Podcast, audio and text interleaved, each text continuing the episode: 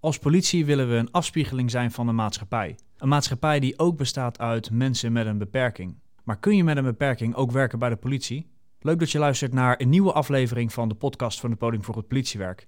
Mijn naam is Erik van der Zanden. Naast me zit Sihem Matoeg. En vandaag hebben we het over de banenafspraak. En omdat de maatregelen rondom het coronavirus weer zijn aangescherpt, zijn we genoodzaakt onze sprekers ditmaal digitaal aan te laten sluiten. Dus niet in de studio, maar aan de telefoon. Jori de Groot en Diane den Breeën. Welkom, leuk dat jullie er allebei zijn. Zouden jullie willen beginnen met je even voor te stellen? En Jori, mag ik jou dan als eerst het woord geven? Uh, ja, zeker. Ik uh, ben uh, Jori de Groot. Hier in deze podcast in mijn rol als coördinator banenafspraak voor de eenheid Den Haag. Ik ben in 2012 bij de politie begonnen. De opleiding recherchekunde. Dus ik ben zij-instromer bij politie tijdens de opleiding natuurlijk uh, verschillende teams en afdelingen gewerkt uh, binnen de eenheid. En in 2016, na het afronden van mijn opleiding, uh, begonnen bij generieke opsporing. Wat jaren in de opsporing gewerkt. En daar ook eigenlijk ehm, gestart met het project camerabeeldspecialisten. wat ook de aanleiding is geweest tot, tot waar ik nu zit. In welke rol ik nu werkzaam ben als coördinator baanafspraak. Dankjewel. Diane. Ja, goeiedag. uh, mijn naam is Diana den Breeën en ik ben uh, per 1 oktober een jaar werkzaam bij uh, politie. En ik werk samen met Jori op het project Banenafspraak voor de eenheid Den Haag. Nou ja, straks gaan onze paden landelijk kruisen, want ik ga binnenkort voor de provincie Limburg aan de slag, maar ook op hetzelfde project. Jullie noemen al het project Banenafspraken. Zou je daar iets meer over kunnen vertellen? Wat houdt het in? Ja, ik wil dat wel uh, kort toelichten. De banenafspraak is een uh, afspraak die in 2013 is gemaakt tussen het kabinet en organisaties voor werkgevers en werknemers. De afspraak houdt in dat wij voor 2026 als maatschappij 125.000 extra banen creëren voor mensen met een afstand tot de arbeidsmarkt. En dat zijn dus banen bij normale werkgevers, zoals ook de politie. 125.000 zeg je? Dat klopt. Landelijk. Ja. ja. Dat is best ja, veel. Dus daar zijn we niet alleen verantwoordelijk voor als politie. Dat, eh, dat scheelt denk ik weer. Uh, ja, we delen de verantwoordelijkheid inderdaad, uh, zeg maar, als, als overheid ook met de markt. Um, eigenlijk uh, was de markt oorspronkelijk verantwoordelijk voor 100.000 banen. En wij als overheid voor 25.000 banen. Dat onderscheid dat wordt zeer waarschijnlijk opgeheven. En het wordt veel meer een gedeelde verantwoordelijkheid voor ons allebei onze en alle sectoren. Je zei, je, je bent ooit begonnen met beeldschermspecialisten? Uh, ja, camerabeeldspecialisten. Camerabeeld. Oh, ja? Dat is een hele mond vol hoor. Uh, ja. Soms wel een beetje spijt dat ik daar ooit zo'n lange term voor uh, heb bedacht, in alle eerlijkheid. Wat, wat houdt het precies in? Dat houdt in, uh, camerabeeldspecialisten zijn uh, mensen met autisme, uh, die we eigenlijk specifiek hebben geworven voor het uitkijken van grote hoeveelheden camerabeelden in opsporingsonderzoek. Omdat zij een enorm oog voor detail hebben en een groot talent om zich lang op één taak te kunnen concentreren. Dat maakt ze heel erg geschikt voor dat werk. Hoe heb je dat zo uh, bedacht om daarmee aan de slag te gaan? Ja, daarin uh, zijn eigenlijk twee dingen bij elkaar gekomen. Mijn werk bij de politie en mijn uh, vrijwilligerswerk. Ik ben vrijwilliger bij Stichting het Buitenhof. Ik ga mee als reisbegeleider van vakanties voor mensen met een beperking. En zo was ik ook een aantal keer mee geweest met een reis van uh, Travel, specifiek voor mensen met autisme. Waar ik in gesprek raakte met Leonie. Zij heeft autisme en zij vertelde mij dat uh, zij dacht dat mensen met autisme dus wel eens heel goed zouden kunnen zijn in het herkennen van mensen in menigte of op beelden. Ja, en dat vond ik een heel interessant uh, idee. Heb ik eigenlijk uh, meegenomen terug naar de werkvloer. Helemaal niet meteen vanuit een soort Eureka, hiermee ga ik aan de slag. Maar toen wij in een groot opsporingsonderzoek geconfronteerd werden met 1700 uur aan camerabeelden die we opnieuw moesten uitkijken op zoek naar twee bekende verdachten. Toen is dat eigenlijk uh, bij elkaar gekomen en, en, is dus het idee van Leonie uh, heb ik uh, tot uitvoering mogen brengen binnen de politie. En hoe is dat bevallen? Ja, heel erg goed. We zijn in Den Haag begonnen met, met een team van vier personen. Eigenlijk dus voor dat ene onderzoek. Maar al snel zijn we ze ook voor meerdere onderzoeken gaan inzetten ook tot eigenlijk grote tevredenheid van de opdrachtgevers, zijn er dus de onderzoeksteams. En daarna is die inzet gaan groeien uh, naar eenheid Amsterdam.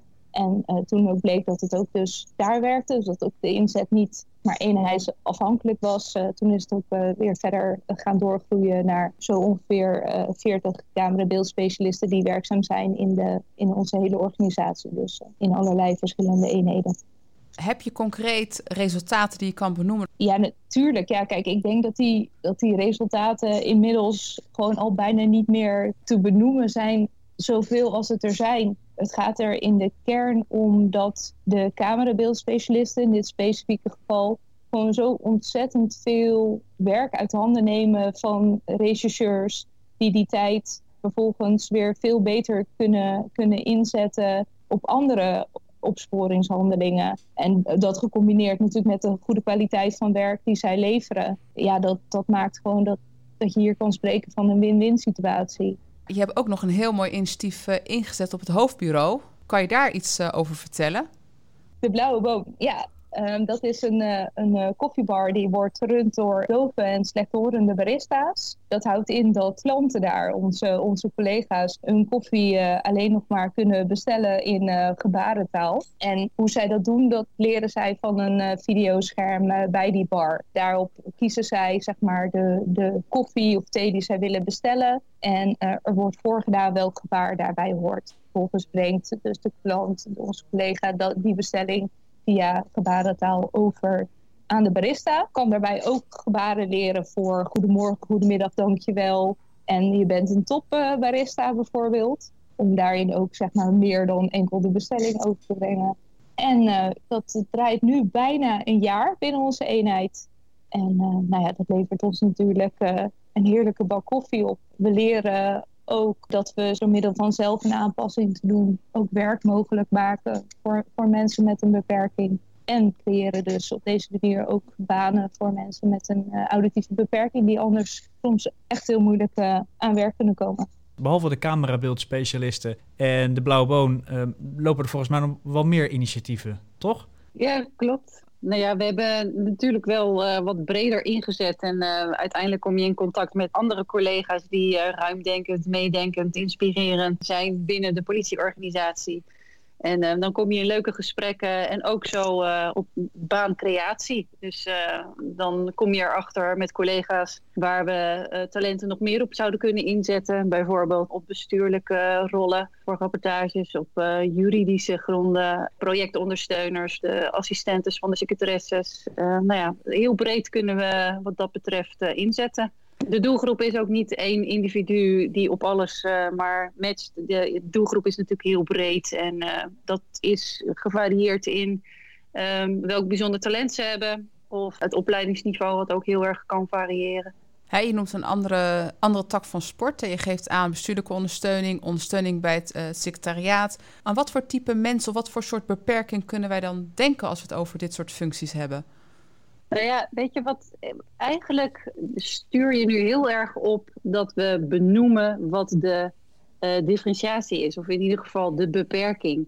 En eigenlijk zou je meer vanuit het werkvermogen de interpretatie voor de plaatsing moeten maken. Dus ik ben visueel beperkt. Ik ben slechtziend. Maar ik zit wel met jouw video te bellen nu. En ik en ik kan het gewoon. Dus het, staat los van dat ik specifiek mijn werk zou kunnen doen vanwege een beperking. Dus ik vind het ook een lastig om te zeggen van uh, de doelgroep is dit, dat, zus of zo. Want waar we vooral naar kijken uh, bij het plaatsen van mensen vanuit de banenafspraak is wat het werkvermogen is. En wat, welke win-win situatie we op de werkvloer van politie kunnen creëren om dat mogelijk te maken. Maar ik kan me voorstellen, als je bij zo'n basisteam dan aankomt of bij een stafondersteuningsafdeling, dat wel de vraag is, joh, maar wat, wat heeft iemand dan en wat is de toegevoegde waarde?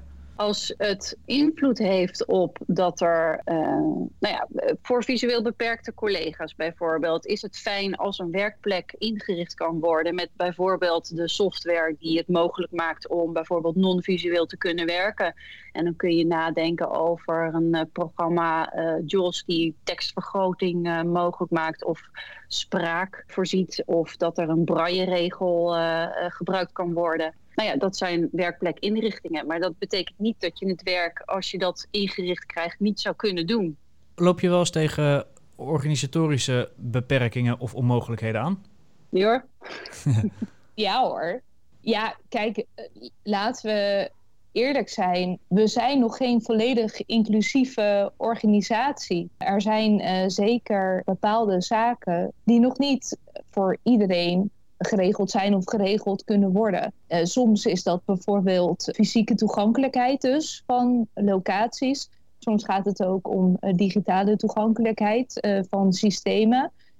daar lopen we inderdaad op tegenaan bij inzet van mensen, medewerkers met een visuele beperking. Ja, nog niet alle systemen van politie, dus echt politie-specifieke applicaties, die zijn even toegankelijk te maken met hulpsoftware bijvoorbeeld. Daarin zie je dat we daar nog niet altijd op ingericht zijn als organisatie. Dat is ook niet erg. Dat is iets waar we denk ik uh, aan kunnen werken, waar we nog in kunnen groeien. Maar ja, daar, daar lopen we nog wel eens tegenaan. Kijken naar onze organisatiecultuur.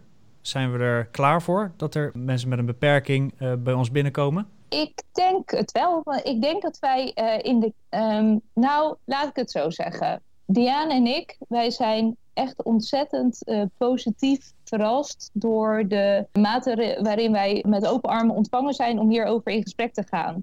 Met, met leidinggevenden en met teams. En daarin is zeker heel veel enthousiasme ook om, om aan de slag te gaan met een hele, hele diverse doelgroep en hele diverse medewerkers. Dus ik denk niet dat het aan de mens ligt zozeer. We hier klaar voor zijn. En misschien ook nog niet zo eens aan de cultuur, maar meer aan de, aan de systemen en de kaders waarbinnen we werken wat wij dus nu doen voor de banenafspraak, dat is eigenlijk uh, niet een hele inclusieve aanpak of iets dergelijks. Want eigenlijk maken wij het nu bijzonder. Hè? We, en we hebben dat label banenafspraak, dat hebben we eigenlijk dus nodig om iemand de organisatie in te kunnen krijgen. Dus eigenlijk maak je het bijzonder. Maar dat doen wij dus wel met als doel om het uiteindelijk het nieuwe normaal te maken. Dus, ja, dat, dat dus... wilde ik nog wel even toevoegen, zeg maar. Dus we maken het nu eerst speciaal om het uiteindelijk gewoon te maken, wat het zou moeten zijn. Want uiteindelijk moet gewoon iedereen via de reguliere weg kunnen solliciteren en een gelijke Precies. kans hebben op, uh, ja. op die functie. Precies, iedereen moet kunnen meedoen. En dat is in de kern waar het, uh, ja, waar het om gaat en waar wij dus ook uh, ons voor inzetten. En van de, de landelijke 125.000 banen, denken jullie dat wij als Politie Nederland onze bijdrage erin voldoende kunnen leveren? Ja, zeker.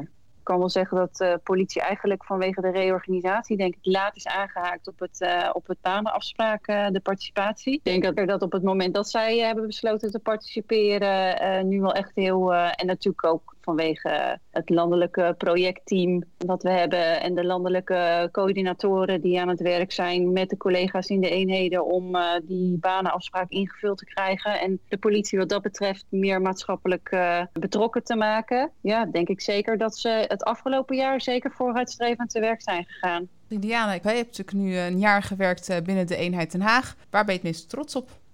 Nou ja, het is wel toevallig. Um, nou ja, we hebben natuurlijk uh, een beetje nagedacht over onze introductie. Hoewel we streng waren toegesproken dat niet te doen. Maar je gaat er toch een beetje over nadenken. En um, toen is bij mij eigenlijk ook wel een beetje het verhaal ineens uh, samengevallen. Doordat ik het afgelopen jaar bij de eenheid Den Haag aan het werk ben gegaan. Want hiervoor heb ik een, een anderhalf jaar eerst uh, als ambtenaar gewerkt. Op het project ook. En um, dat was voor het eerst dat ik vanuit een banenafspraak instroomde in, naar werk. Ik heb hiervoor in een regulier werktraject altijd werkervaring opgedaan. En doordat mijn visuele beperking meer ging opspelen, moest ik opnieuw kennis maken met het, uh, met het werktraject. Dus dat betekent dat je moet leren solliciteren in een tijd waarin alles ineens heel snel is uh, ontwikkeld. Nou ja, om maar te zeggen dat werkplekken flexplekken zijn geworden en niemand meer een bureaulaadje of een telefoon op zijn uh, bureau heeft. Dat wil niet zeggen dat ik er heel lang uit ben geweest, maar ook het solliciteren bijvoorbeeld, dat je in een pitch van twee minuten ineens jezelf kenbaar moet hebben gemaakt. Alles was veranderd. En daarbij kwam nog kijken dat ik ging solliciteren als visueel beperkte. Dus ik ging solliciteren met een geleidestok. En hoe doe je dat dan? Nou ja, dan ga je netwerken, ga je leren solliciteren en dan uh, drop je je cv bij een aantal werkgevers en dan uh, hoop je dat er iets van de grond komt. En toen kwam mijn cv terecht bij uh, Stichting Studeren en Werken op Maat. En uh, vanuit daar ben ik tijdelijk uitgezonden bij het Rijksvastgoedbedrijf. Nou ja, daar heb ik een anderhalf jaar werkervaring op gedaan. En waar ik trots op ben, is dat ik verder ben gaan kijken. En uiteindelijk bij de eenheid Den Haag aan de slag ben gegaan. En nou ja, in ieder geval een rol van Jori tegenkwam. En nou ja, eigenlijk vanuit het eerste gesprek al zag van ja, dit is uh, waar ik nog wel eens, ja, waar, waar, waar ik bij zou matchen. Ik, ik, had het gevoel dat Jori, zij ziet mensen. Weet je, zij, zij ziet niet alleen maar wat je op papiertje hebt en welke beperking je meeneemt, maar zij ziet ook van, oh ja, jij bent dit als persoon en dit heb jij als werkvermogen en wie weet heb je wel wat meer in je, in je mars om te kunnen doen. Nou ja, dat soort mensen ben ik de afgelopen tijd in uh, de eenheid Den Haag ook tegengekomen. Weet je, er zijn heel veel politiecollega's die echt zien uh, wie de mensen zijn die we aan ze voorstellen. En, uh, en ook gewoon lef en ballen hebben om, de, om ermee aan de slag te gaan. En het ook echt zien en ervaren als een aanvulling van een team. Dus ja, ik ben daar wel trots op dat ik daaraan heb bijgedragen. Ja, een mooie samenwerking. En waar jij ook heel trots op mag zijn, Diana, is dat je de feitelijk dus gewoon je eigen baan hebt gecreëerd in eenheid ja. Limburg.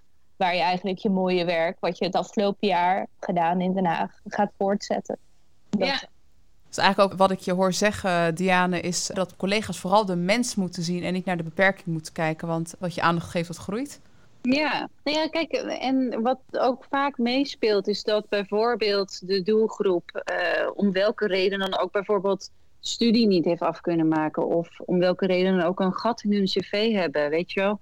Um, bij mij is er ook een gat in het cv ontstaan. Maar dat heeft puur te maken met dat je een ander ontwikkelproces meemaakt. Omdat je, nou ja, uh, visueel gericht naar non-visueel gericht moet gaan leven. En dat heeft een andere persoonlijke ontwikkeling met zich meegebracht. Maar dat wil niet zeggen dat je het predicaat langs de zijlijn moet voeren op een cv of in een beoordelingsgesprek. Maar dat je meer ziet van, hé, hey, zij komt daar wel vandaan. Zij heeft die groei doorgemaakt en ze komt nu weer solliciteren. Zo kun je het ook benaderen. Dus het is een, andere manier van kijken, lezen, zien.